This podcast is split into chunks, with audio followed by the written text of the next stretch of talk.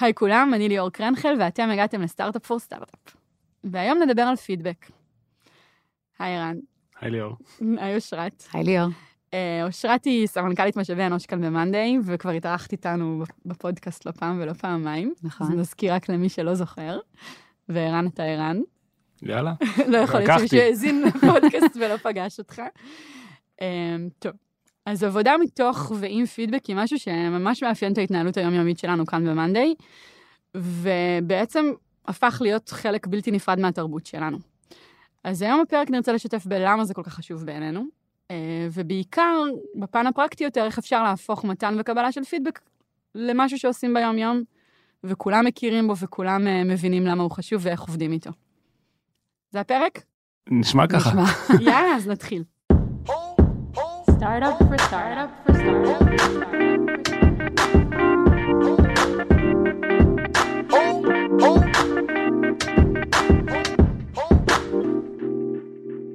טוב, אז באמת נתחיל רגע מהלמה, כמו שאנחנו אוהבים, ונתחיל בלהבין מה ההזדמנות שאנחנו רואים בעבודה עם פידבק.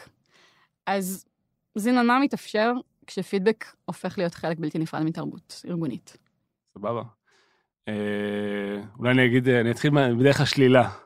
מה קורה שהוא לא חלק מהתרבות הארגונית? כי אני חושב שזה משהו שאני הרגשתי על עצמי בעבר, ויכול להיות שאנשים יזדהו עם הדבר הזה. אני אתן אה, שתי אנקדוטות בשביל להסביר. אחד, כולם יש להם את התחושה הזאת שהם יושבים באיזשהו חדר ישיבות, ומישהו מדבר על משהו, ואתה מתבשל בכיסא. זה לא נכון, זה לא בכיוון, אתה, יש לך איזשהו פריט מידע, ומשהו עוצר ממך אה, להגיד את זה. והייתי הרבה פעמים בסיטואציות כאלה בחברות בעבר שישבתי בהן, ואני יודע כמה זה מתסכל. וכאילו תהיתי עם עצמי למה אני מרגיש את התחושה הזאת, והתשובה היא כי הייתה בחברה תרבות של חוסר קבלה לפידבק. זה היה נתפס בתור העברת ביקורת, זה היה נתפס בתור משהו שלילי, בתור ביטול הסמכות אולי של מי שמציג, בתור אה, פגיעה בהגמוניה, אני לא יודע בדיוק מה. אה, אבל מה שזה קורה זה שפשוט זה מוביל לתוצאות לא טובות. כי אולי באותה סיטואציה, באותה פגישה היה אפשר להגיד משהו, שנייה להסיט את הדיון למקום אחר או לשנות אה, כיוון, והחברה הייתה במקום הרבה יותר טוב. זה, זה קלאסי קונפליקט בין האינטרסים של החברה ומה שנכון לבין אה, התחשבות אה, באיזשהו צורך של מישהו, או בסיטואציה לא נעימה, או הימנעות ממשהו.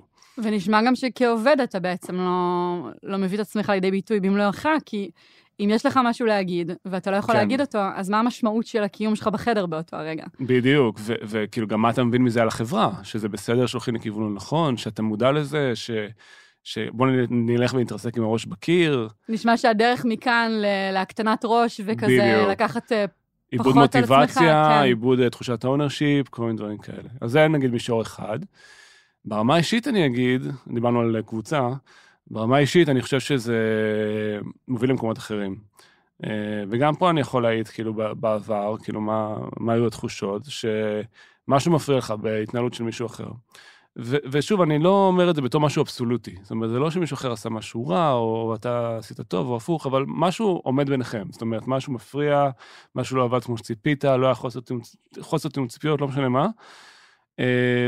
אה, אבל אין אה, מקום של לבוא ולדבר על זה, ולפתור את זה. ואז נוצרים משקעים. משקעים מובילים לריחוק, וחוסר רצון לעבוד ביחד, אה, הימנעות, אה, חוסר אמון, כל מיני דברים כאלה שפשוט מובילים לחוסר פרודוקטיביות אחד עם השני. ומכיר אינסוף ארגונים שיש המון המון המון מתחים בין אנשים שפשוט נשענים על דברים, אולי קטנים, אולי גדולים, בעבר שלא דוברו ולא פודבקו, אה, ופשוט פוגעים בפרודוקטיביות והעבודה היומיומית. והפכו לאיזה כדור שלג כזה שאתה בכלל כבר לא יודע על מה בעצם, אה, על בעצם המתח קיים בחדר באותו כן, רגע. וכל דבר שמישהו עושה כבר מקבל איזושהי משמעות אה, קוסמית ואינטרסים, והנה עוד פעם, ואינטרפרטציה שאנחנו נותנים גם לדברים אה, משתנה, אז כל הדברים האלה מתקיימים בתרבות כזאת. אני אוסיף לזה עוד נדבך, ו- ונכניס לחדר כבר את הדינמיקה שבה בעצם אתה מנהל אותי. כן. ואני אגיד ש... מאתגר. מאתגר. לא, אני אגיד ש... בטח אה, מי שמאזין לנו מזדהה עם התחושה הזאת שלפעמים בקשר של אה, מנהל מנוהל, אז יש איזו פרנויה כזאת, רגע, אולי לא אומרים לי משהו, אולי כועסים עליי, אולי עשיתי משהו לא בסדר, ומשהו מאוד משחרר כשיש תרבות של פידבק, שאני יודעת שאם אני, אם צריך שאני אדע משהו, אתה תגיד לי אותו. אני לא צריכה כן. לנחש. וזה מאוד משחרר ביום-יום, ומאפשר כן. איזו נינוחות כזאת. יש פה גם איזה מעגל של trust ופידבק ביחד. כי בעצם, אתה, כשאין, כשאין יכולת לתת פידבק, אז יש תחושה של חוסר trust. הרי מה זה trust בסוף? זה היכולת שלי לבוא ולהראות פגיעות, זה לשים את עצמי על השולחן, את כל מה שיש לי, בסדר? גם את מה שעובד לי, גם את מה שלא עובד לי, וגם לצד השני. ובעצם כשאני מונעת מעצמי את הפידבק הזה, אז ה trust לא נבנה כמו שצריך, וזה דבר שבעצם, זה מין מעגל כזה שמאוד קשה לשבור אותו, אם לא מייצרים את, ה, את התהליך הזה של הפידבק. אז אני מרגישה שפידבק הוא משהו שבונה trust, אבל הוא גם נשען מאוד חזק על trust בחזרה. בשביל שזה יתקיים כמו שצריך, זה חייב להיות שם, זה צריך לבוא ביחד.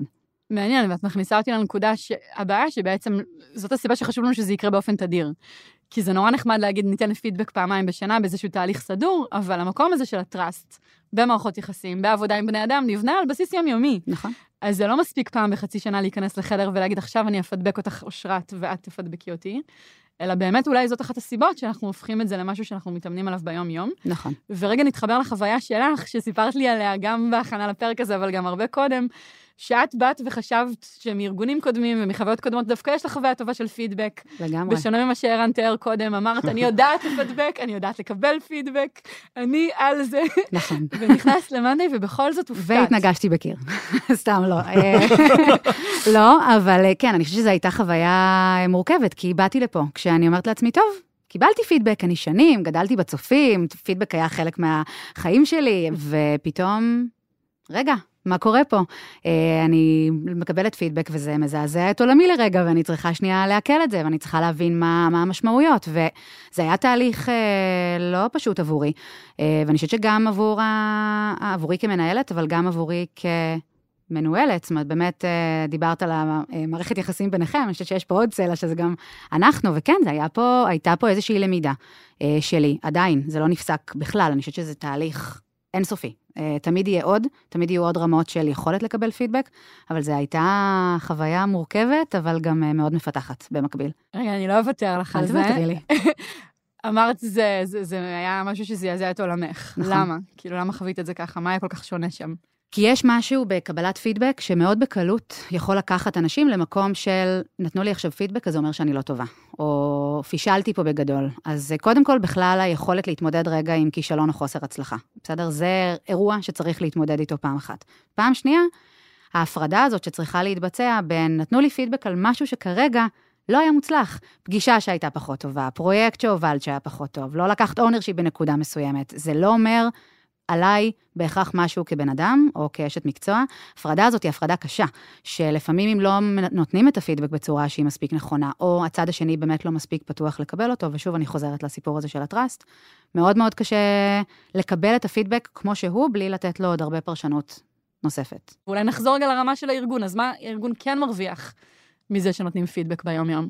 כן, אז, אז אני מרגיש שמה שאנחנו מרוויחים מזה, דבר ראשון שאנחנו שומעים המון דעות, בסדר? זה לא שכאילו מישהו אחד מחליט, אם נחזור שנייה לסיטואציה של, של, אה, של ישיבה או כמה אנשים ביחד שבחדר, אז uh, אנחנו, יש לנו איזשהו ביטחון שאנחנו לא מפספסים שום דבר, שאם למישהו יהיה איזושהי הערה או איזושהי תובנה, אז הוא יגיד אותה. ואני חושב שזה נמצא כמעט בכל ישיבה שאנחנו נמצאים בחברה, לא משנה אם זו ישיבה שאני נמצא בה או ישיבה של אנשים אחרים, כולם יודעים שאת הפידבק שלהם יכולים לתת במקום הזה.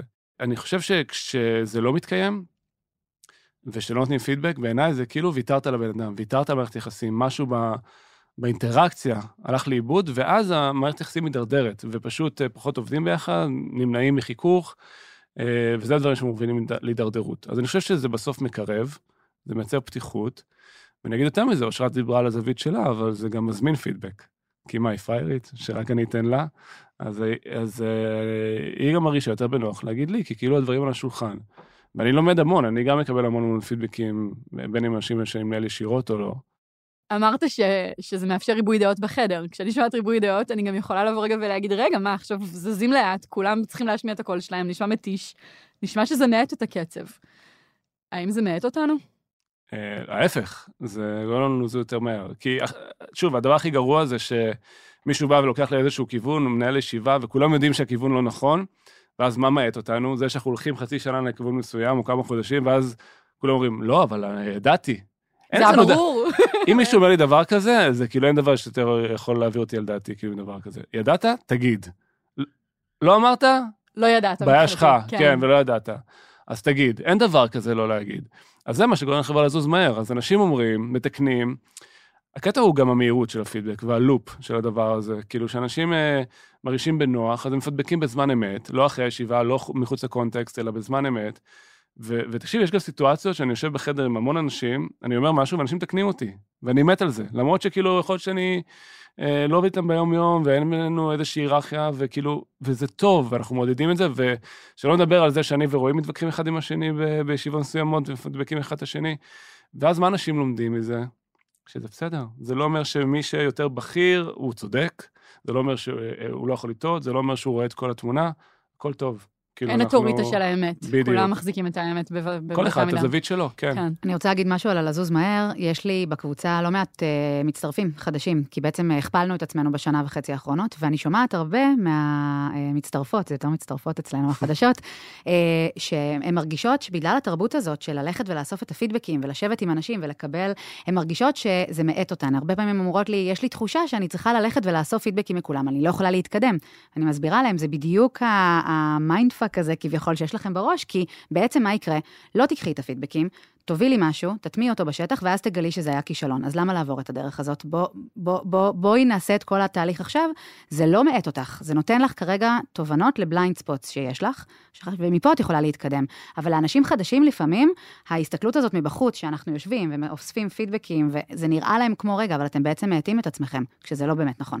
אבל זה לא ועדה, כאילו אולי זה חשוב להגיד. זה, זה לא סיטואציה שכולם אומרים מה שאומרים, ואז יוצא איזשהו גמל כזה עם כנפיים, וכאילו נכון. לא רוצה את הדבר הזה. בסוף ה ownership הוא על הבן אדם. זאת אומרת, מהמם. זה חלק השני של הסיטואציה.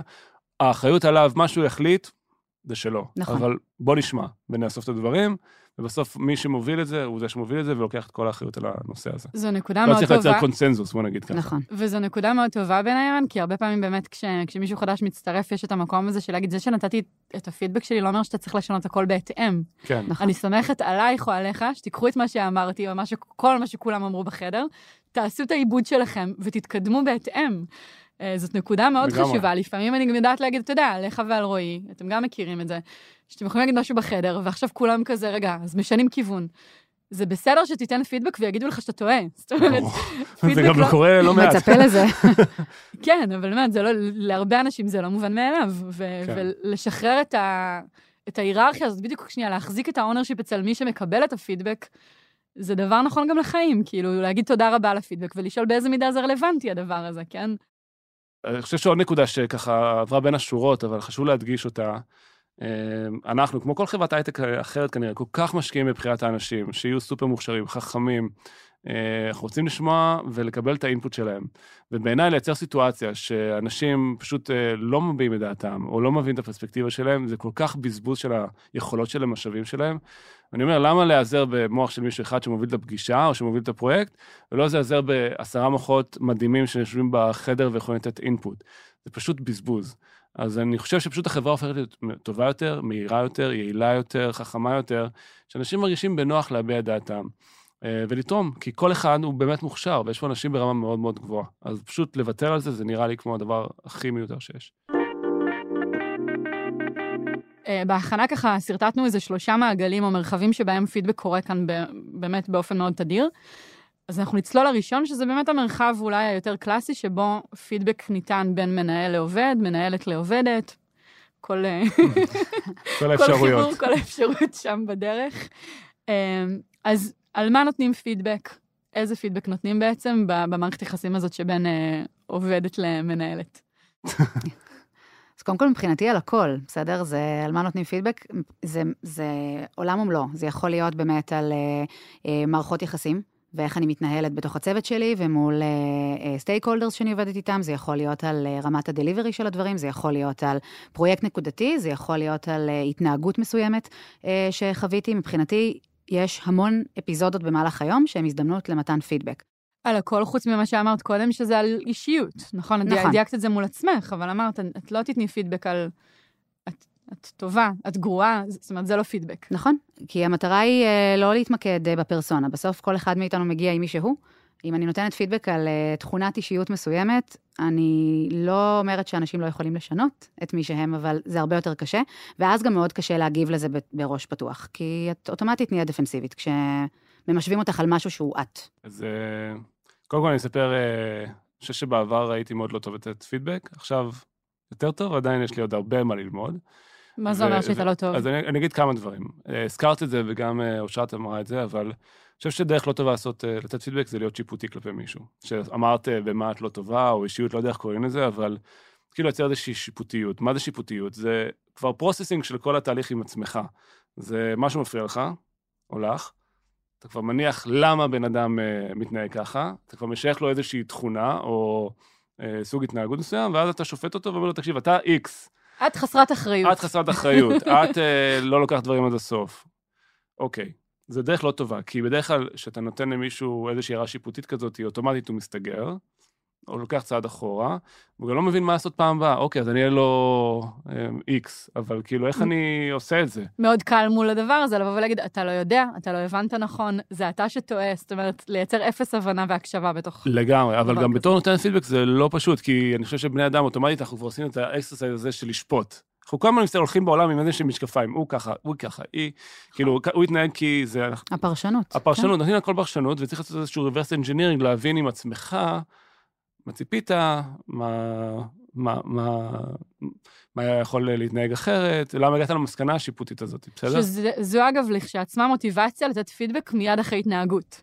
כן, כי הסיכוי שאחרי שצפית במופע מסוים, כמו שאושרת תיארה, נתת פידבק שעוד לא עשית את ה processing הזה ועוד לא עברת לשיפוטיות, הוא יותר גבוה. כן. אם אתה חצי שנה אוגר מידע, אתה כבר בהגדרה עברת למקום של פרשנויות והסברים, ו... נכון, אז, אז, אז, אז זה נקודה אחת, לא להיות שיפוטי ולהסביר כאילו איך הדברים נראים אה, מתוך הצד שלך. אני חושב שנקודה השנייה שלמדתי גם אולי... רגע, אז מה, איך אתה כן עושה את זה טוב? אז היה לנו איזושהי פגישה על אה, נושא של, אני חושב שזה היה נגיד קומפנ, קומפנסציה של עובדים. ואני ציפיתי מאושרת שתיקח על זה ownership, כי זה בתחום של ה-HR. מה זה אומר לקחת על זה ownership? אוקיי, זו הנקודה השנייה אגב, שהיא לא ברורה. אבל לי במוח זה, הכל נכנס תחת איזושהי קובייה של ownership, והכל ברור לי, ומה זה אומר, וכאילו מה המשמעויות של זה בעולם שלי. כן. עכשיו גם צריך להבין שבעולם של אושרת זה לא ככה. אבל בעולם שלי זה היה נראה ככה. ונכנסנו לפגישה, וכאילו אושרת הציגה את הנושא, והרגשתי שיש איזשהו דיון, והדברים מתנהלים, ואין מסקנות, ויצאתי מהפגישה, וכאילו כולי רוטט. רוטט. משהו שם לא מתחבר כמו... משהו לא מתחבר. כן. אה, ואמרתי לה, אושרת, הייתי שיפוטי, את לא לוקחת ownership, אוקיי? אה, שזה לא טוב, כי אז היא יושבת אה, אחר כך ואומרת, טוב, הייתי צריך לקחת ownership, מה זה אומר? כאילו, מה זה אומר? אה, ש- שאני רגע שוב הורסת כן. את הנקודה, הרבה פעמים אנחנו משוכנעים שאנחנו מדברים ברור, ואנחנו עדיין מדברים איזושהי סיסמה שבמוח שלנו היא ברורה, בדיוק. אבל כלפי חוץ היא לא. העוצמה היא שיש מילים מדוברות במילון, אבל כל אחד יש להם משמעות אחרת, וכל אחד יש לו חוויה אחרת, ותיאום ציפיות אחר וכולי. אז uh, היא נתנה לי פידבק חזרה, אחרי כמה פעמים כאלה, של תקשיב, אני מנסה, אבל אני לא מבינה עד הסוף מה זה אומר. אוקיי? אתה לא מסביר את עצמך טוב, או אני לא יודעת לעשות uh, עם מה שאתה אומר uh, שום דבר פרקטי. אז כאילו נפל לי איזשהו אסימון, אמרתי לעצמי, אוקיי, אני כאילו באמת לא עשיתי את התיאום ציפיות, אני כאילו לא, שם אותה באיזושהי סיטואציה לא פיירית, שיש לי איזה שהם סט ציפיות מה... הסיטואציה הזאת, אבל היא לא ברורות, הן אצלי במוח, היא לא יודעת לקרוא לי את המחשבות.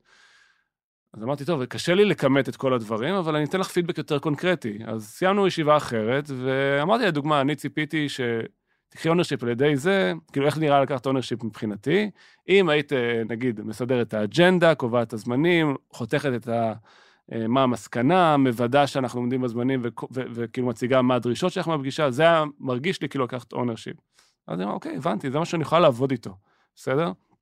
אז זה בדיוק ההבדל בין לתת איזושהי סיסמה, שהיא גם שיפוטית כלפי מישהו, לבין אה, לעשות תיאום ציפיות, של מה אתה היית צריך, או מה אתה ציפית בתור מנהל, בתור קולגה, אפילו בתור מישהו שעובד. של, מעניין, של אז אתה. גם אומר פה עוד משהו על פידבק, שפידבק זה או הפער, או ההלימה בין הציפיות שלי למציאות. ברור. בסופו של דבר. ותמיד, תמיד, תראי, תמיד בסוף הפידבק נוצר מחוסר תיאום ציפיות, מחוסר אה, תקשורת או חוסר תיאום ציפיות בין אנשים. או הלימה, כי אנחנו הרבה עכשיו בפידבק של, של עבודה ולתיקון, אבל גם לבוא ולהגיד, זה היה מעולה, היית ממש טוב בפגישה הזאת, כן. הובלת אותה כמו שדמיינתי, כמו נכון. שציפיתי, ראיתי כן, אותך פידבק מנהיגה. כן, כן, נכון. זה תמיד יהיה המפגש הזה בין מה שציפיתי למה שקרה. בדיוק. ו- ואני חושב שהנקודה היא פה לצאת שנייה מה- מהראש של מי שנותן את הפידבק, להבין מה ברור, מה לא ברור, איך מתקשרים את זה בצורה שהיא לא גם לצד שני להיות דפנסיבי ושיפוטי כלפיו, וגם להסביר, וזה תהליך לא פשוט, מה אתה מצפה ומה אתה רוצה מתוך הסיטואציה הזאת. אושרת, הזכרת שזה אזורים של התפתחות אישית בעינייך, נכון? נכון. שזאת הזדמנות ממש להתפתחות אישית. אולי תגידי על זה כמה מילים גם. אז אני חושבת שיש משהו, כשפידבק ניתן בצורה טובה, לא רק שהוא מדויק ו... ושם את הציפיות על השולחן, הוא גם סוג של נותן חכה לבן אדם. כי מה שערן מתאר בסיטואציה הראשונה של רק להגיד, נגיד, את לא לוקחת ownership, יש, ואני אני חושבת שכל בן אדם שיהיה בסיטואציה הזאת, ירגיש כל הזמן צורך לפגוש איזה סטנדרט מסוים שהוא באמת לא יודע, אה, לא יודע לאן לקחת אותו, ואז כל הזמן יש ניסיון לירות, ל... לירות באפלה לאיזשהו כיוון, אבל כשאת בעצם באה ונותנת סוג של חכה, את אומרת לבן אדם, הנה, אומרת, גם נתתי את זה בצורה מפורטת, גם אני מסבירה אולי קצת איך, וגם, רגע, אני פה בשביל להחליף על זה אחר כך את הדו-שיח המשותף, זה מייצר איזושהי תחושה של, אוקיי, עכשיו יש לי מה לעבוד, ו- וזה מנטרל את ה- אולי את, ה- את הרגשות הקשים שיכולים ל- להתלוות לזה, כי את מרגישה שהמנהל או המנהלת שלך היו שם all in עבורך, אה, והתהליך אה, היה נכון. בעצם את אומרת שהדרך שבה ניתן פידבק יכולה להיות ההבדל בין אדם שכופה, נתקע, אפילו מרגיש חוסר אונים ואפילו מידרדר ביחס לדבר הזה. נכון. כי מה אני אמורה לעשות עם הדבר הזה שאמרתי עכשיו, ואני רק בשיפוטיות כלפי עצמי, ותיארת בעצמך, אני מרגישה שאני לא טובה, לבין זה שאני מרגישה שיש לי שותפות, נכון? שיש אנשים שרואים אותי, שיש לי חכה להתפתח, ושיש איזשהו תהליך שעכשיו קורה. זה ממש יושב על האיך נתנו לי את הפידבק. נכון. זאת אומרת, פידבק שהוא לא טוב, הוא יכול בעיניי לייצר מצב הפוך, שלא רק שהוא לא מפתח, הוא גם מקבע במקום. הוא מכווץ גם. נכון, בדיוק. ו- והוא כן הזדמנות להתפתחות, אבל זה מיומנות. אני חושבת שחלק ממה ש... חלק מהאתגר שלא רק מנהלים, דרך אגב, אפילו פירס אחד של השני חווים, זה היכולת לתת פידבק מדויק ונכון ובונה, כדי שהוא הוא ייראה כ... כמה שנקרא פלטפורמה להתפתחות אחרת. לא משנה כמה תנסי לייצר את הסיטואציה טובה, אבל הפידבק הוא לא טוב, אף אחד לא ייקח אותו כמשהו שעזר לי להתפתח. כל מה שאמרתם נשמע טוב. כן איזשהו אתגר שעולה לי, זה שזה מייצר סביבה מאוד מאוד דורשנית ותובענית, ורמת העימות ביום-יום היא, היא גבוהה. כאילו, יכולה להיכנס לחדר, וכבר אני יכולה להרגיש את ההתניה בגוף, שנצא ותגיד לי, רגע, קרן חלש לך שנייה, או, או תגיע איזו הודעת וואטסאפ אחרי פגישה של שומעת, חשבתי קצת על מה שקרה היום, ורציתי להגיד לך גם, כאילו, סך הכל היה מעולה, אבל הנה איזושהי נקודה שאני חושבת... זה יכול לייצר איזה רמת אה, אלרט פנים כזאת, אה, תחושה לא נעימה. כשהופכים את זה למשהו שהוא בשגרה, והוא לא נהיה כזה משהו נורא נורא כבד, זה הופך להיות פשוט חלק מהתרבות וחלק מההתנהלות שלנו, וכאילו באיזשהו מקום זה הופך להיות אפילו נחמד, הייתי אומר, כי אתה מבין איפה אתה נמצא ואתה מבין אה, שיש לך איזשהו תהליך שיפור, שאם אתה לא מייצר את זה, או מייצר אחד פעם ב, אז באמת נראה כמו משהו נורא נורא אקוטי ומלחיץ. אבל אם זה חלק מהיום-יום, אני חושב שזה פשוט הופך להיות חלק מהשיח, ומאוד מקליל את, ה, את הנושא של הפידבק. אני מסכימה, אני חושבת שגם הפידבק הדו-שנתי שאנחנו נותנים, שהוא עובד, עובד דרך מבנה, דרך פורמט מאוד ספציפי, תמיד עבורי כמנהלת הוא, הוא הזדמנות טובה לראות שהדבר הזה קורה ביום-יום בצורה מספקת, ואני אסביר למה אני מתכוונת. יש שם בעצם שני חלקים, חלק אחד שמדבר על החוזקות של עובד, וחלק שני שמדבר על דברים שצריך לעבוד עליהם. והדרך שבה אנחנו עושים את הפגישות האלה, שקודם כל העובד או העובדת אומרים בעצמם מה החוזקות, ואז אני עושה רפלקציה של מה אני כתבתי על החוזקות. ועבורי, זה תמיד מרגיש כמו איזה match כזה, כאילו ממש score כזה, אני מרגישה שאנחנו במשחק, האדם השני מדבר, ואני אומרת, וואו, זה שאנחנו מגיעים ל-100% הלימה, זה כי דיברנו על זה ביום-יום. אף אחד לא מגיע לפעם בחצי שנה לאיזה רגע כזה של, oh my God, oh מה אני הולכת להגיד, או אני, מה, מה הם חושבים על עצמם, מה הם חושבים עליי. זה, זה רגעים שמאפשרים לראות ביום-יום, את, את מחייכת אושרת. לא, כי זה נכון, אני מסכימה. ואני חושבת שהפידבק על הפידבק הוא שכשיש שם פערים, אני לומדת מזה שלא עבדנו מספיק קרוב ביום-יום. שצריך כל שבוע בוויקלי כן לתת יותר. שיש משהו יותר בסיסי במערכת יחסים שכרגע לא מתקיים. אז אני, אני אוסיף עוד משהו, כי יכול להיות שיש הרבה אנשים שמקשיבים לזה, אומרים, כן, זה בדיוק מה שאני עושה, ונותן פידבק, אבל uh, אני בעבר, uh, מעבר לזה שלא הייתי טוב לתת פידבק uh, ממה שהזכרתי מקודם, היה עוד דבר אחד שלא עשיתי טוב, ואני רואה אותו גם uh, הרבה אצל uh, מנהלים שהם יחסית מנהלים צעירים, שאתה רוצה לתת פידבק למישהו, אוקיי, ואתה כן, אתה לא, לא שיפוטי, וחשוב לך להגיד איך הדברים נראים וכולי, אבל ההנגשה היא מאוד עטופה. ואני חושב שזה נובע אולי מחוסר רצון להתעמת, או פחד מהסיטואציה, או חוסר נכות לפעמים שאתה יושב עם אחד על אחד ומדברים על דברים שפחות נעימים, יש המון אנשים שמנסים להימנע מקונפליקטים. אה, שוב, במיוחד מנהלים שהם יותר צעירים. אז מה, איך זה נראה כשזה לא... איך שזה נראה זה שאצלך הכל נורא נורא מבושל וברור וכולי, אבל uh, הצד השני חווה את זה בתור משהו אגבי, בצד, אה, מכובס טיפה, הייתי אומר. ואני גיליתי איזשהו טריק שאני עושה עם מנהלים בדרך כלל, שהם אומרים לי, תשמע, אני חייב לתת לו פידבק, ואני יודע שיש להם את האתגר הזה, אז אני אומר לו, אוקיי, אין בעיה, תיתן לו את הפידבק, אחרי זה אני פשוט אבקש מה-HRBP, שדבר עם בן אדם, לשאול מה הוא הבין. Mm. כי הרבה אנשים, מנהלים, יכולים לצאת מפידבק, להגיד, תקשיב, נתתי לו פידבק והוא הבין, ואני מקווה שהוא ישתפר, אבל תשאלי את הבן אדם שקיבל את הפידבק, תגיד, תקשיב, הכל טוב? מה זה מרוצים ממני? חוץ מזה דבר קטן שלא זוכר אפילו מה הוא היה, כי לא ייחסתי לו מש- משמעות, אבל הכל אחלה. ואז אתה מבין שיש פה איזשהו, משהו הלך ב-lost in translation, במדיום של הפגישה. אז בגלל זה אני אומר הרבה פעמים למנהלים, אוקיי, אחרי זה בואו נוודא שהוא באמת הבין. ואז אני חושב שהם מבינים שאחרי זה יעשו איזושהי בדיקה, לראות אם הבן אדם מבין, הם אה, שמים המון דגש לראות שהמסרים עוברים בצורה חדה, בסדר? ושהבן אדם, כי בסוף, הכי גרוע זה להרגיש כאילו נתת פידבק לבן אדם, היה לו הזדמנות להשתפר, והנה הוא לא השתפר, והנה כאילו הדברים הידרדרו בצורה מאוד מאוד uh, מהירה. או, או כמו שאתה אומר, כשאושרת, את אמרת את זה בעצם, אתה אמרת על אושרת, מי אמר על מי? ש- שאמרת, אושרת חזרה ופידבקה אותי, לא הבנתי את הפידבק, אני לא יכולה לעבוד עם מה שאמרת, אז אתה גם אומר, חוץ מה-HRVP, גם תעשו את זה בתוך המערכת יחסים. בדיוק, כן. וזה מה שרציתי להגיד, שאני הרבה פעמים למנהלים אומרת, דווקא אחרי שיחת פידבק, תקבע מראש, או תקבעי מראש פולו-אפ, ושבועיים אחרי, תשאלי, תשאלי את את העובד שלך, את העובדת שלך, מה, מה הבנת? מה לקחת? צריך אקו- אקו-בק. כאילו, כן, כי הרבה פעמים לא, באמת לא, לא תמיד נתתי את הפידבק בצורה מספיק טובה, או שהצד השני לא הבין אותו, וה, ודווקא ה-HRBP זה אחלה, אני הראשונה שתרים את היד, תגיד לך, איזה יופי שאמרת HRBP בפרק, אבל אני כן חושבת שדווקא יש משהו, ועוד פעם זה חוזר לטראסט הזה בין עובד למנהל, של לשאול, מה הבנת, מה לקחת מזה, מה, מה הרגשת, נגיד, שהשתנה מאז שנתתי לך את הפידבק, שאת עושה אחרת. ואז השיחה הזאת, א', היא מחיה את הפידבק כל הזמן, זה בדיוק מה שהופך אותו להיות תדיר ולא פעמיים בשנה. וגם יש ממש שיח פרקטי על מה הבנתי ומה עשיתי, וזה סוג של סנטי צ'ק כזה של, רגע, אנחנו במקום הנכון. אמ, ועוד משהו שרציתי להגיד על מה שערן אמר קודם, על אה, לעשות שוגר קוטינג, הרבה פעמים מנהלים מהמקום של להימנע או מחוסר הנעימות, משתמשים באנחנו. זאת אומרת, אנחנו צריכים לעבוד על הדבר הזה והזה, אנחנו צריכים להשתפר, במקום להגיד, לא, אתה. או את. וזה גם עוד משהו שיכול לייצר איזשהו בלבול בתוך הפידבק, שזה לא אנחנו. זה, אני, אני איתך פה לעזור לך, אבל זה שלך לעבוד עליו. אפרופו ownership. כן. אני אתן עוד טיפ על איך נותנים פידבק ו- ויש יותר ודאות שהוא עבר טוב, וזה באמת רגע להתמקד בדבר אחד. זה דווקא רועי לימד אותי שהוא לא פה בחדר, אבל פעם דווקא בסיטואציה שרציתי להיפרד מעובדת לפני הרבה שנים, אה, אה, מישהו, מישהי אחרת בארגון שכבר לא איתנו, יצא לי לעשות רשימה מאוד ארוכה של כל הדברים שהיא עשתה לא בסדר, ופשוט לתת לה את הרשימה הזאת. ובבטן זה הרגיש לי מאוד לא בנוח, והייתי מנהלת ממש צעירה, ותפסתי את רועי איזה חצי שעה לפני השיחה. אמרתי לו, זה כזה הכי דחוף בהול. אמרתי לו, זאת האסטרטגיה שהציעו לי לעבוד איתה, לא יושב לי, אמר לי, ההפך. הפוך גוטה.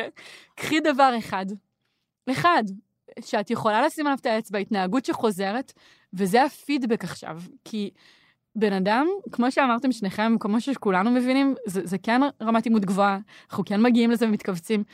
זה לא הוצאה להורג, אנחנו רוצים לעזור. אז אם עכשיו נפדבק, ובתור מנהלים, כאילו ערן הפוך, אתה יודע, אתה אומר, אל תעשו לזה שוגר קוטינג, אני אומרת גם, אבל אל תבואו ותתקפו בן אדם.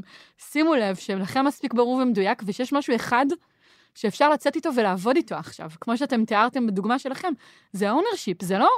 עכשיו, יכול להיות שיש עוד דברים שאתה חושב שאושרת צריכה להשתפר בהם. אתה לא בא ואומר את הכל בשיחה אחת, זה לא ונטילציה. זה, זה פשוט דיוק, דיוק של המסרים, דיוק של התחושות, דיוק באיך שאתה מעביר את המסר. זה תעדוף. שוב, כי יכול להיות שיש לך עוד 50 דברים להגיד לאושרת, אבל אתה מתעדף את מה שהכי קריטי כרגע.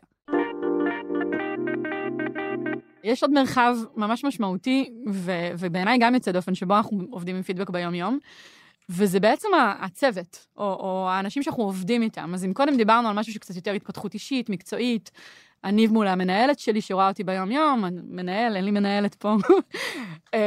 אנחנו עכשיו עוברים למרחב של העבודה, נכנסים, עושים שנייה איזה מצגת, kick-off למשהו, עובדים על איזשהו פן במוצר, אירוע חדש, וגם שם אנחנו כל הזמן נותנים פידבק.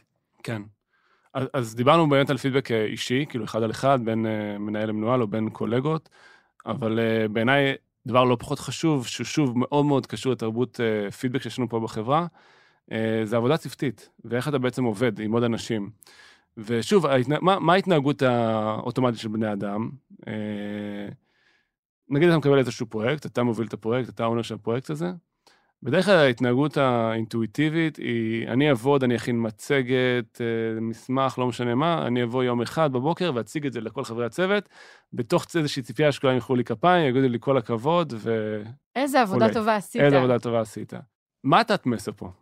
כאילו, אני אומר, אה, שנוצר כתוצאה מההתנהגות הזאת. אתה בתור אה, מי שעשה את הפרויקט, רוצה לקבל את המחיאות כפיים, את ההוקרה וכולי, אבל הצוות, מה הוא, מה הוא לומד מתוך התהליך הזה? שהנה בא מישהו, ועבד על משהו נגיד שלושה חודשים, השקיע בזה את המאמץ, אתה כל הזמן, אתה רואה אותו, אתה אומר לך, אני עובד על מצגת, אני עובד על פרויקט, אני קשה לי, עוד קצת זה מוכן. עוד קצת זה מוכן, אני זה, אני כל כך גאה בזה, ואז אתה מגיע לשיחה איתו, נגיד עם עוד כמה אנשים בחדר, אתה אומר, מה, אני עכשיו אהרוס לו? אני כאילו אפגע בו? זה פתאום הופך להיות משהו נורא נורא אישי, כי זה נורא נורא לגביו, לגבי אותו בן אדם שהכין את זה, כי הוא התאמץ, כי הוא השקיע, כי הוא תכנן, אז מה, זה כאילו מקבל עכשיו איזשהו ממד הרבה הרבה יותר גדול ממה שזה. אחד הדברים שאנחנו פה ב-Monday, ממש כחלק מהתרבות וה-DNA, אנחנו קוראים לזה אפילו שם קוד, קוראים לזה Unveiling, אנחנו אומרים, אל תעשה Unveiling. מה זה Unveiling? הרמה של המסך בהצגה, אה, זה להרים את המסך על המצגת, על הפרויקט. ואז אה, בתור מי שנמצא בחדר, לא בא לך לתת פידבק, אתה מפחד. ו- ומה שאנחנו אומרים, אל תעשה Unveiling, אתה מתחיל לעבוד על משהו, יש לך כבר משהו ראשוני, תשלח אחרי שבוע, שלח בוואטסאפ. ואז תמיד תגובה, אבל זה לא מוכן. אוקיי, זה בדיוק הקטע, בוא נפדבק אותך תוך כדי. אה, הרבה פעמים משתמש בדוגמה הזאת, מטוס שהם אומרים מניו יורק וסן פרנסיסקו, אם הוא לוקח בהמראה שתי מעלות אה, לא בכיוון, אחרי כמה שעות הוא לא נמצא בסן פרנסיסקו, הוא נמצא במקום אחר לגמרי. אז כאילו, זה בדיוק המקומות לתקן, בסדר? לפני שרצנו שלושה חודשים קדימה. וגם מה שזה מייצר, זה מייצר חיבור. אתה גם אה, שומע עוד דעות, אנשים יותר רתומים לעניין, הם מרגישים שאין להם one shot לתת את הפידבק שלהם, אלא יכולים להיות שותפים לתהליך.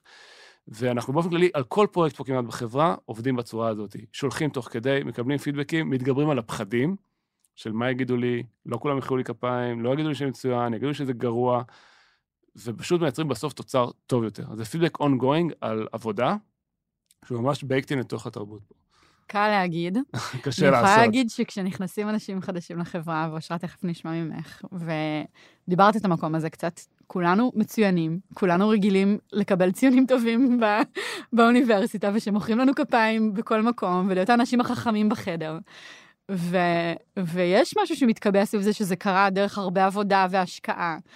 וקשה לנתק את זה שעכשיו אני בעצם צריכה לשבת שעות ולעשות משהו לפני שאני מראה אותו. גם לא בא לי, בא לי שתמחא לי כפיים.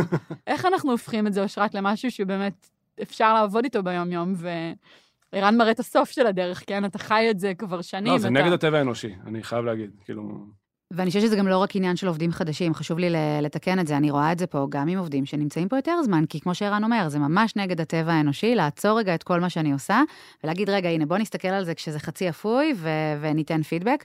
אמ, ושוב, כן, מהמקום הזה של, אמ, לא בהכרח הטפיחה על השכם, גם, אבל אפילו ממקום של להרגיש את תחושת ה... לעשות את ה-V הזה של הדן, זאת אומרת, אני, עכשיו זה, זה מרגיש לי אפוי, ואני מרגישה מספיק אה, אה, בטוחה בלשים את זה על השולחן, ועכשיו לקבל את הפידבק. וזה זה לעשות איזה מין אה, תהליך שהוא נוגד את, ה, את החשיבה ההגיונית. אני רואה את זה פה המון. אה, בהרבה אזורים שאנשים כל הזמן אומרים, כן, אני רק עוד רוצה לעבור ולטייב את הדברים, ואז אני אראה לך. רגע, לא. בוא, בואו תראו לי עכשיו, כי אולי יהיו לי פידבקים, חבל, אה, על, ה, על זה שאני אצטרך אחר כך לדרוס את הכל ולהגיד, זה לא מה שדמיינתי, או לא מה שחשבנו שזה יהיה. אז, אז אני רואה את זה בהרבה אזורים, לא רק אצל עובדים חדשים, איך לנסות אה, אה, להקל על זה. אני חושבת שבעיקר דרך אה, תקשור של ציפיות, כי יש משהו, קודם כל תקשור של ציפיות, והדבר השני, יצירת מרחב בטוח. כי, וזה אגב נכון לכל הפרק מבחינתי, זאת אומרת, ברגע שיש מרחב פסיכולוגי בטוח, ויש איזו תחושה שאני יכולה להביא את הדברים, ואף אחד לא יצלוב אותי, וגם אם ייתנו לי פידבק, אני לא, אני לא אתפוס את זה ככזה, זה, זה, זה המהות. אז קודם כל את זה. ודבר שני, להגיד ברמת הציפייה, כי נגיד אני עד שלא הגעתי לכאן. לא ניהלתי אף פעם שיחה על אל תעשי unveiling, בסדר? זה, זה, לא, זה לא היה משהו שבכלל היה שגור ב, ב, בשפה שלי. אז יש משהו בלשים את זה כציפייה על השולחן ולהבין שזה סוג ההתנהלות כאן, וככה עובדים פה. וזה מקל, כי אז פתאום אה, אני הבנתי שזה לא אני, זה, זה הסטנדרט. עכשיו, תתאימי את עצמך לסטנדרט, תעשי את העבודה עם עצמך, אבל תעשי את ההתאמות. אז זה אולי מה שיכול טיפה לעזור ב... להקל על הדבר הזה. עוד טכניקה שאנחנו עובדים איתה הרבה, אה, זה, זה ממש אתה לימדת אותי, זה מקום של לשים עוגנים מראש ביומן. זאת אומרת, אם עכשיו יש פרויקט של שלושה חודשים, ואני מראש שמה פעם בשבוע פגישה עליו, אוטומטית יצרתי מצב שבו כולם הולכים להיפגש במקומות לא אפויים.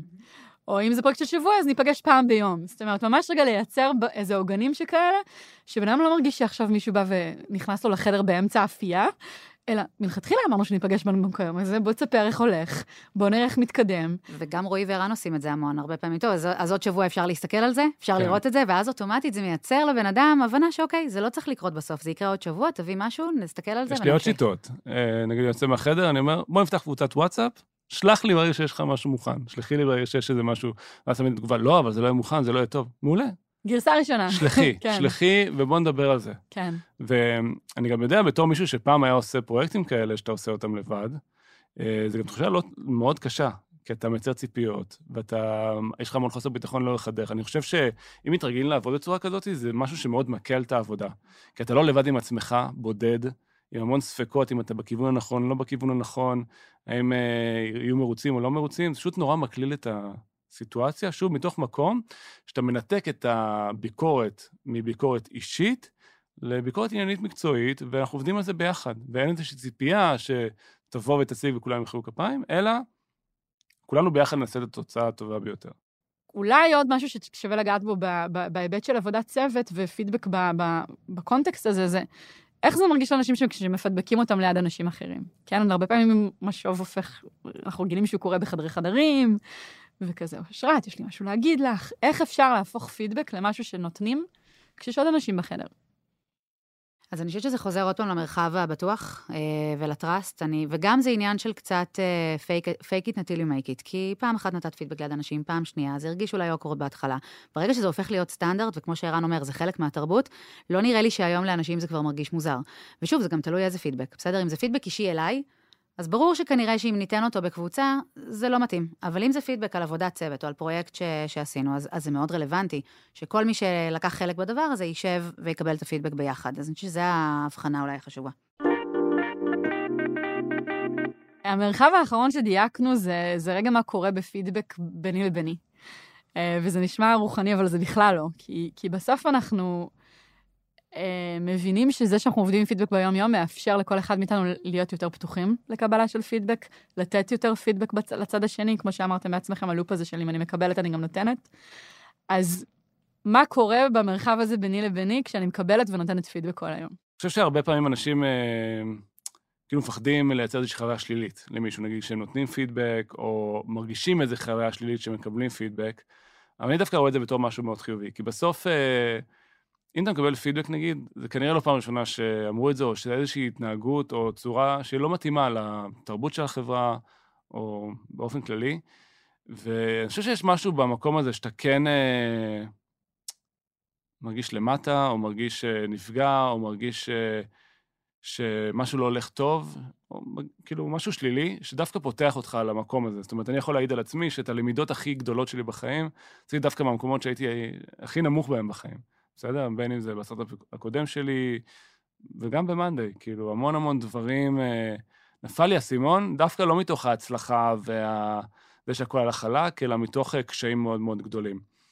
אה, אז אני לא אומר שכל פידק צריך להיות קושי מאוד מאוד גדול, אבל אני חושב שבתור מנהל, ההבנה הזאת, שבסוף המטרה שלך הוא לפדבק את הבן אדם, לעזור לו, לייצר לו עוד פרספקטיבה אולי שחסרה, ועל ידי זה שאתה נותן פידבק שלילי, דווקא פותח אותו ללמידה, היא משהו שמאוד אה, חיובי בעיניי, סביב משהו שיכול להתפרש באותה נקודת זמן כשלילי. אבל בסופו של דבר המטרה שלך היא לעזור, לשפר את תיאום הציפיות ו- ולשפר את התקשורת, ואני חושב שזה הדרך, אה, בסופו של דבר. אני יכולה לתת אפילו דוגמה, שלפני כמה חודשים היה לנו אירוע פלאס וואן. עשינו בעצם אירוע לכל העובדים בישראל, שיכלו להביא עוד מישהו נוסף איתם, אמ, שלא היה אירוע מאוד מוצלח. אה, אפשר להיכנס עכשיו לדיטלס, אבל זה לא רלוונטי. אבל האירוע לא היה אה, בסטנדרטים שאנחנו היינו מצפים, אה, וזה משהו שהצוות שלי, אחד הצוותים אצלי במחלקה היה אחראי עליו, ובאמת יום אחרי האירוע היה סשן של פידבק, שישבנו עם ערן, וערן נתן את הפידבק. עכשיו, אגב, הפידבק ניתן בצורה מאוד, אה, מאוד מכבדת, מאוד מאוד נעימה, אבל הוא גם היה מאוד אה, ישיר, מאוד מאוד אה, דוקר את הנקודות, ושם ככה על השולחן את כל המקומות שלא עבדו. וזה היה רגע מאוד מאוד אה, קשה לצוות, כי ממש אה, ככה הרבה אה, עוגמת נפש, אה, בכי בחלק מהמקומות, ככה באמת רגע לקיחת אחריות מאוד מאוד אה, כבדה, כל אחת מהן על עצמה. ובאמת רגע כזה שהייתי, אפילו גם אני וגם מי שמנהלת אותם, היינו צריכות מאוד ככה רגע להרים, להרים אותן מה, מהמשבר הזה, מהרצפה בעצם, ו, ולהראות רגע איך זה כן הזדמנות ללמידה וצמיחה. וזה היה מאוד יפה, כמנהלת של הקבוצה הזאת, היה מאוד יפה לראות את התהליך שהם עברו, מלהתפרק מהדבר הזה, ואז לאסוף את עצמם, לקחת את התובנות, וזה היה פשוט מקסים לראות איך בכל אירוע או, או פרויקט אחרי זה שהם עשו, החשיבה כבר הייתה אחרת, כי האירוע הוא, כמה שהוא היה משברי וקשה, אפשר היה לקחת ממנו הרבה לאירועים העתידיים, והיום הם כבר, כשהן ניגשות לתכנן אירוע, הן חושבות על כל הדברים הקטנים, הן שואלות את עצמן את השאלות ש... שאלו אז באותו הרטרו. שרצינו אז בדיוק, שהם ישאלו, אה, ואני אומרת, מה זה רצינו? גם אני, אני חושבת שגם עבורי ברמה האישית זה הייתה למידה של איך להסתכל על הדברים אחרת, ואיך לגשת לאירוע, ומה לשאול, כדי שלא נהיה במקום כזה עוד פעם. אז אני חושבת שזו דוגמה מבחינתי קלאסית למשבר, שבסוף אה, ממנו צומחים. אני חושבת שהיום הצוות הזה נמצא במקום שבו הם סיימו כמה אירועים אחרים. אפשר אבל להרים להם שהם תותחיות על חלל, כי היה לנו שני אירועים עכשיו אה, מדהימים. בדיוק, וזה החלק השני. זאת אומרת, התהליך הסתיים בשני אירועים מטורפים שהם הרימו, ואני חושבת שחלק גדול מזה שהאירועים האלה היו כל כך מוצלחים, א', זה כי הן מהממות ותותחיות, אבל זה כי גם הם עשו את התהליך של הלמידה מתוך המשבר. אני אוסיף עוד משהו שדעתי הוא חשוב גם ברמה הקונספטואלית. שהפידבק הוא לא ניתן למקום שלא סומכים על האנשים. כאילו, גם המסר היה בפידבק שאנחנו סומכים עליכם, בסדר? אולי יכול לעשות תיאום ציפיות, אולי לא הבנו מה חשוב, למה אנחנו מנסים לאפטם את האירוע, אבל המסר היה סומכים עליכם. ואני חושב שבאופן כללי בחברה, אם עכשיו אני כזה, תוך כדי שיחה אני חושב על זה, כאילו, למה תרבות, תרבות פידבק פה כל כך מפותחת? אני חושב שזה גם הולך אה, יד ביד עם הנושא של ה ownership. כי בעצם אה, אנחנו נותנים לאנשים פה המון חופש. הרבה דברים אנשים עושים על דעת עצמם. כאילו, זה, אין פה איזושהי תרבות של צוואר בקבוק, שצריך אישורים, בטח לא שלי ושל רועי. אני חושב שהרבה מנהלים פה נותנים המון חופש לאנשים שלהם, אבל המשוואה הזאת היא חייבת שיהיה לה גם צד שני. אם אתה נותן למישהו המון המון חופש ואתה אומר לו, רוץ, תקבל החלטות, גם צריך להיות מקום שהוא פתוח לקבל את הפידבק. כי רק לתת חופש בלי לתת פידבק זה לא פייר. זאת אומרת, אם אני עכשיו אבוא ואגיד לבן אדם, תרוץ, תעשה מה שאתה רוצה, אבל אז שהוא עושה את זה, אני לא יכול להגיד לו מה מפריע לי, זה בעיה. אני לא רוצה להיות במקום השני, של להיות צוואר בקבוק. כל דבר תאשר מולי קודם, כדי לוודא שלא יהיה פידבק, שזה גורם לחברה להיות איטית, לא מתקדם, לוקח מאנשים את האחריות. אני חושב שהשילוב של שני הדברים, שמצד אחד סומכים על אנשים, והמסר תמיד גם במתן פידבק, סומך, סומכים עליכם, תרוצו, אבל קחו בחשבון פעם באחת, שתיים, שלוש, עם מה שגורם פה להעצמה, ועם מה שמשלימה לתרבות, זאת אומרת, בין ה... לתת לאנשים את האונושיפ לבין היכולת לפדבק אותם על כל דבר, אה, ולהם להיות פתוחים לקבל את הפידבק הזה. אני חושבת שזה הרבה יותר מניואנס, כי זה בדיוני מה שמאפשר לזוז מהמקום של תוקפים אותי, אני לא טובה, אני במגננה, יש לי עובדת בצוות אה, ששומעת את זה כרגע בטוח, ואני זוכרת את המקומות שהיא הייתה נכנסת למגננה, ולקח הרבה זמן להבין, כל זה נאמר כי אני ממש סומכת עליה, כי היא אלופה. כאילו, אפרופו שנייה, אם חוזרים לזהות, את כזאת תותחית שאת יכולה להתמודד עם מה שאני אומרת לך, ואני בטוחה שבזכות זה, תהיי, התוצרים שלך יהיו הרבה יותר טובים, ולכן זה נאמר. וזה לזוז מהילדה הקטנה הזאת שאומרת, לא אוהבים אותי, אני לא טובה, ל... בואנה, אני, אני מעולה, בגלל זה אומרים לי את זה, כי, כי סומכים עליי. זה ממש שיפט גדול במוח, הדבר הזה. אבל זה משהו נורא משחרר.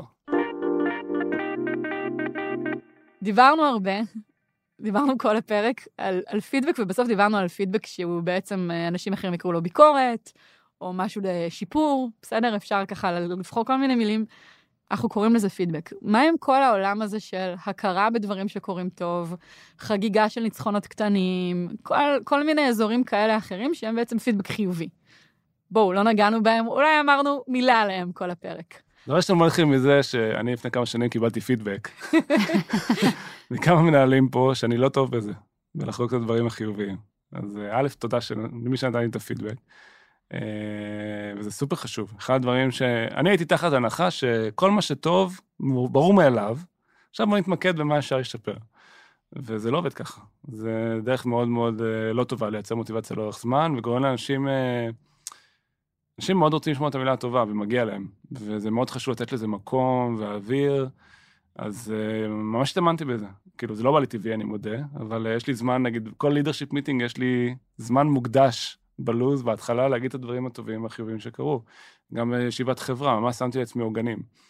אני חושב שזה מאוד מאוד חשוב. כאילו, אמנם בעיניי, כאילו, יש פחות למידה מסוג כזה של פידבק, שהוא יותר אה, חיובי, למרות שיש גם דברים חיוביים שאפשר לקחת מזה. אני אבל, חולקת אה, עליך. יכול להיות. גם ברמה-. אני אוקיי. רגע אגיד הנה, אתה רואה? זה חלק כן. מהבעיה שלי. לא, ברמה, כאילו, סינפסות במוח, בסדר? כן. אתה מחזק התנהגויות חיוביות. נכון, כאילו, נכון. הכי אה, לא, פבלובי. ובדיוק אותו דבר כמו שדיברנו קודם על פידבק אה, מאוד מדויק, שמכוון לפעולה למה לא, או מה הפעם אחרת לעשות, מה בפעם הבאה לעשות אחרת, אותו מה הדבר. לעשות, כן. כן, כן, אתה יודע, לי יש כן. כמה דוגמאות בראש של לקחתי, הצעות. קיבלתי. על פידבקים שקיבלתי ממך אפילו, שהיו כן. טובים. תני אחד. וכשעשיתי, אז היה, הייתה לא מזמן הסיטואציה עם האופציות, אה, עם המניות לעובדים, שטיפלנו. שאחריה כתבת לי, הרגשתי שפה ככה וככה לקחת אחריות על הסיטואציה. מה שעשיתי היה ללכת אחורה, על כל סט הפעולות שעשיתי, לפרק אותם ולהגיד, רגע, מה היה כאן? שגרם לזה להיראות כאילו לקחתי ownership, לא כן. כאילו, לקחתי. אבל, אבל אני חושבת שזה זה גם דוגמה ל... זה לא רק היה טפיחה על השכם בכל הכבוד, אלא ממש יכולתי לקחת ולפרמל את העשייה שלי סביב זה, ומתוך זה אפשר לשכפל את זה בפעם הבאה, כי הבנתי מה עובד. אז יש לזה גם אה, מהמם. למידה. למדתי גם. אתה יודע איך קוראים לזה בייעוץ ארגוני? אין, אין, לא יהיה פרק שאני לא אגיד את זה כשנדבר על מה? פידבק חיובי, קוראים לזה חקר מוקיר. עוד פעם, החקר מוכיר הזה, ליאור. אבל- לא, זה להתמקד במה... בוא, עכשיו אנחנו מפתחים מנהלים במאנדיי, ואחד השאלונים ששלחנו להם זה לשאול את עצמם באיזה רגעים הם היו הכי טובים שלהם. לא במה אני צריכה להשתפר, מתי אני מצוינת. זאת שאלה לא פחות חשובה. אני מסכים. אז הרמתי פה לפרק, אולי רועי יישב פה במקומך. אה, הוא סובל מאותן בעיות, תאמיני לי.